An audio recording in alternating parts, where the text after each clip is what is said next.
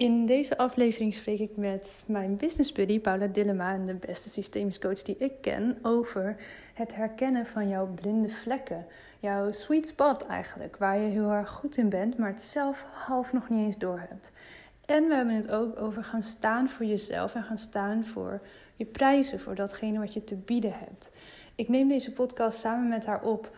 Ik vanuit de gang in een appartementencomplex in Leiden, zij vanuit de auto. Dus ik hoop van harte dat de geluidskwaliteit goed genoeg is om te kunnen luisteren.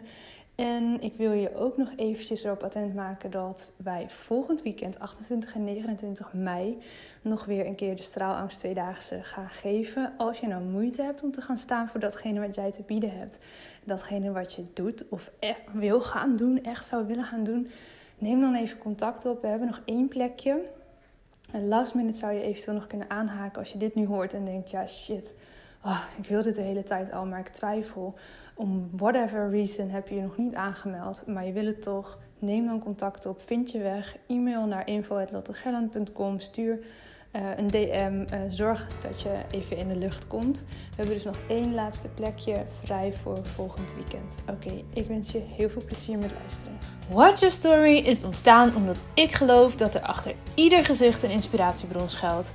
In deze podcast interview ik Jan en Alleman, de girl next door, bekend en onbekend over hun persoonlijke en businessverhalen. Veel plezier met luisteren!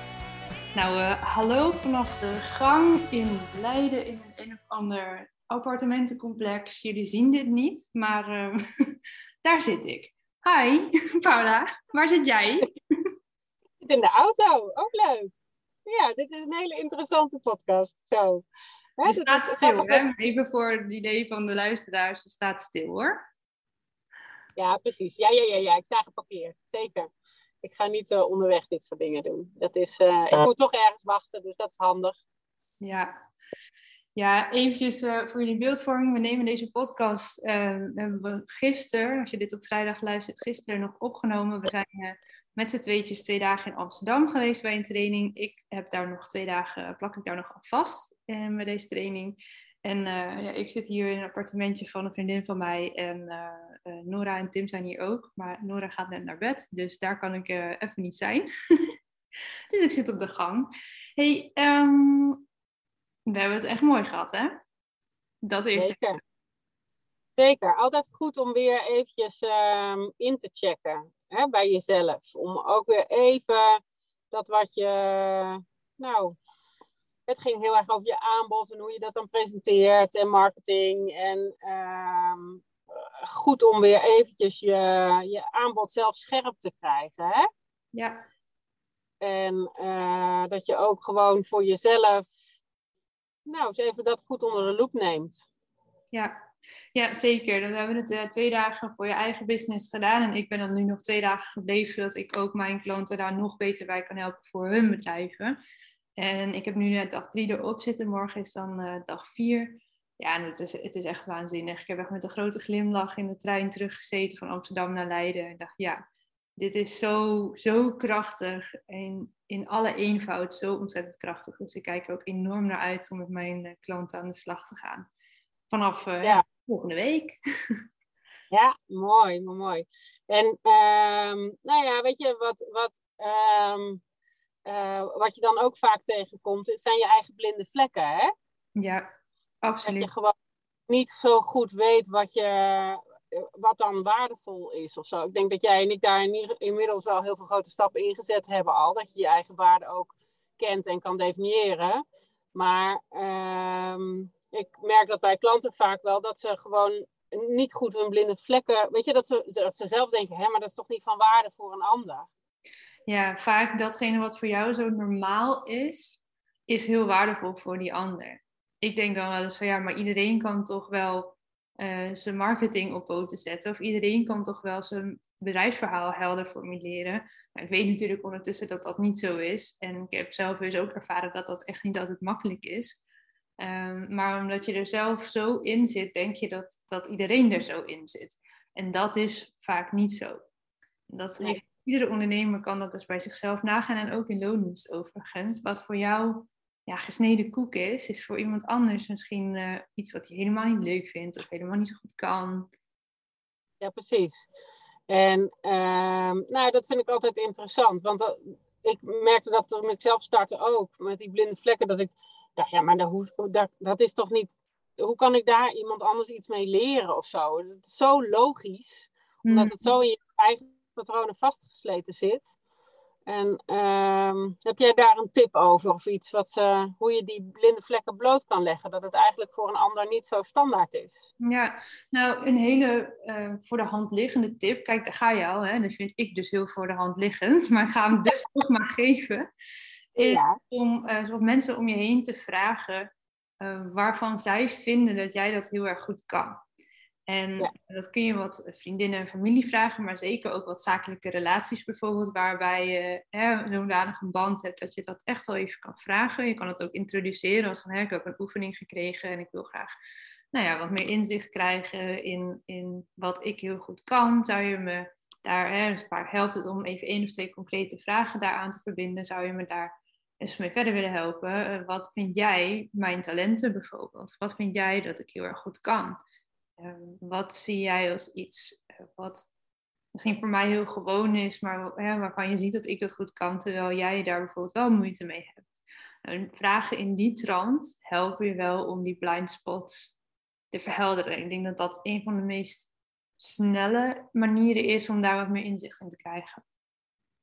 Ja, of gewoon eens doorvragen hè, op hoeveel mensen om je heen eigenlijk weten van dat onderwerp of van dat thema of wat je ook te bieden hebt. Ja. En wat je wil gaan doen. Uh, hoe, hoe mensen, want zo kom je er ook denk ik achter van hé, hey, maar oh, dat is dus niet zo standaard. Hè, dat je, dat je uh, en, en hij begint denk ik nog op een andere plek, dat je je eigen waarde durft te erkennen. Dat je dus iets te brengen hebt. En die is voor heel spannend. Ja, vaak wel. Nee, dat is ook wel iets waar we vandaag in de derde dag uh, op de training heel mooi mee bezig zijn geweest. Want we zijn natuurlijk ook even naar ons eigen aanbod gaan kijken. Uh, zoals denk ik iedere ondernemer er goed aan doet om dat eens in de zoveel tijd eventjes onder de loep te nemen. En onder andere ging het daar over prijsbepaling.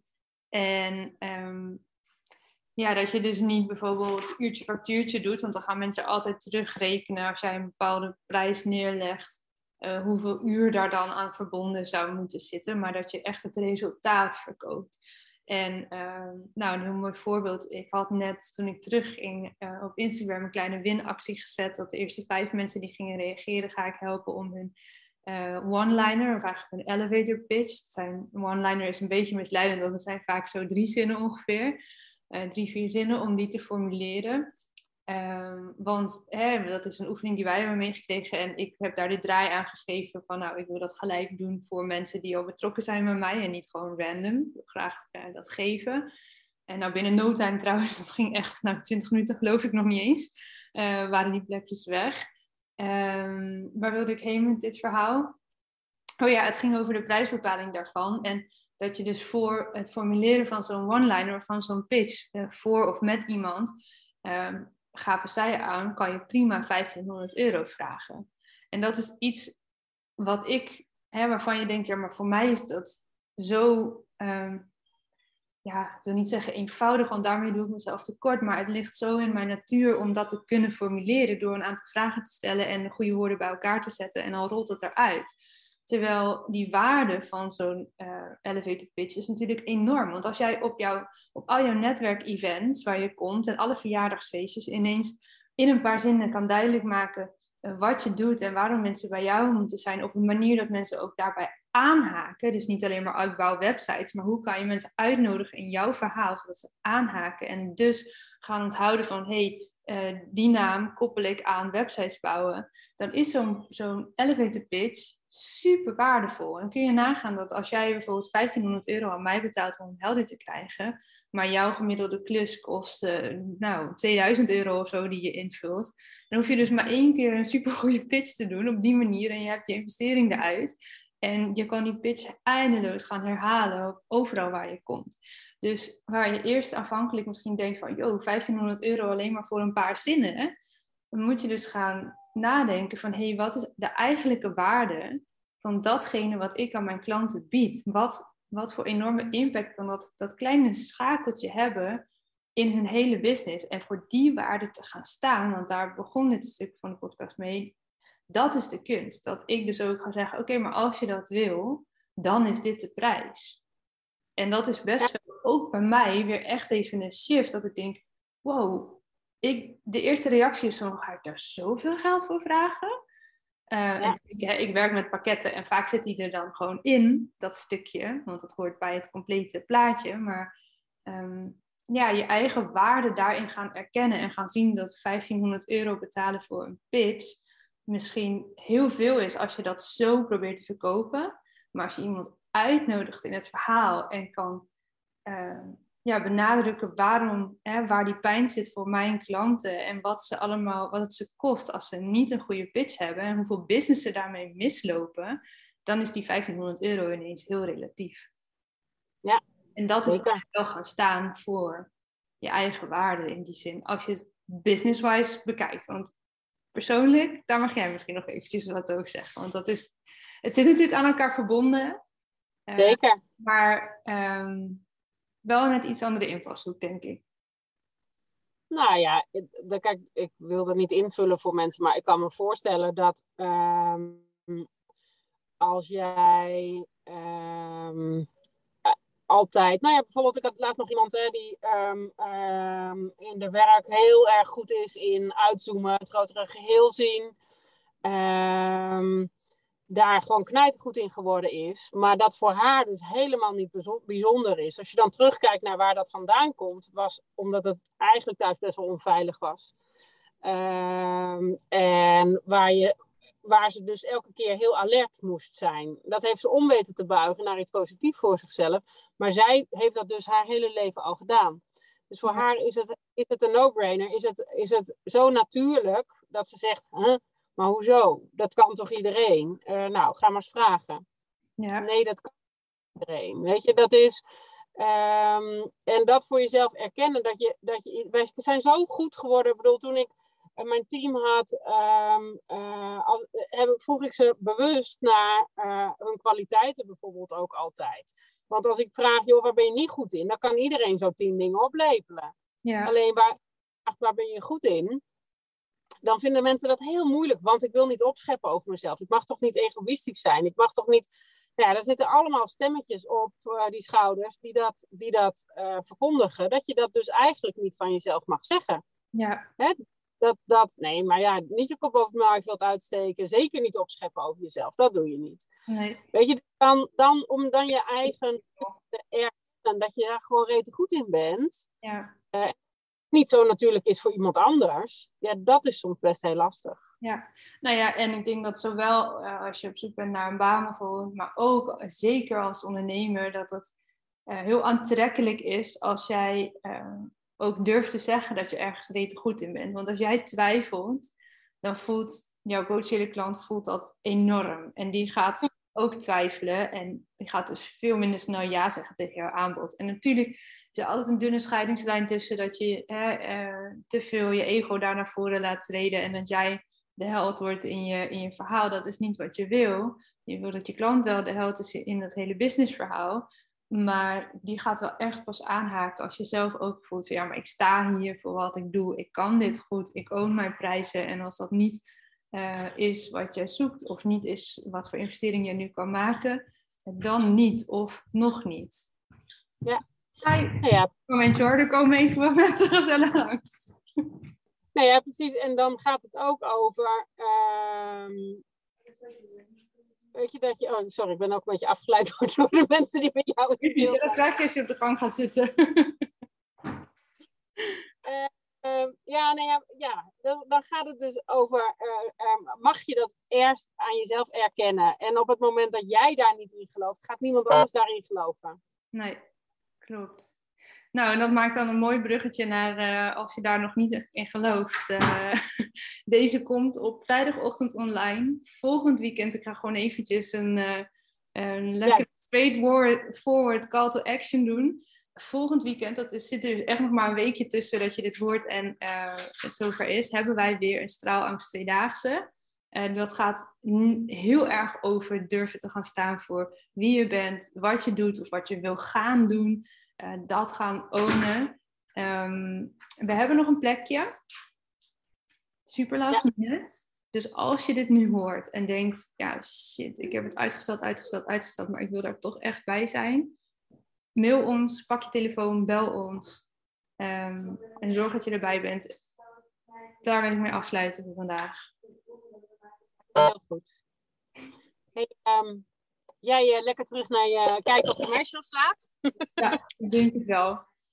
Succes morgen met de afronding en je certificering. Yes. En uh, wij spreken elkaar gauw. Tot de volgende. Tot de volgende. Dankjewel voor het luisteren naar deze aflevering van de Lotte Gerland podcast. Ik vind het super leuk om te weten wie er luistert en vind het dan ook te gek als je dit met me deelt. Bijvoorbeeld via je Instagram stories. Tag me vooral at watchyourstory-nl zodat ik jouw bericht ook weer kan delen. Samen bereiken we zo nog veel meer mensen en kunnen we dus ook met alle verhalen nog meer impact maken. Heb je nou zelf een inspirerend verhaal dat je eigenlijk graag zou willen inzetten voor de marketing en communicatie van jouw bedrijf, maar kom je er niet helemaal lekker uit? Ga dan naar watchyourstory.nl en plan een gratis 30 minuten marketing strategie sessie.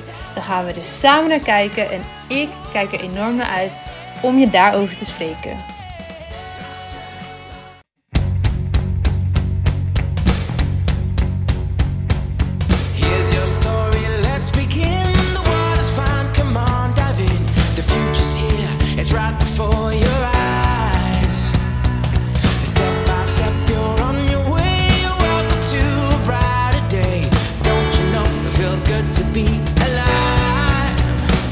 Could be larger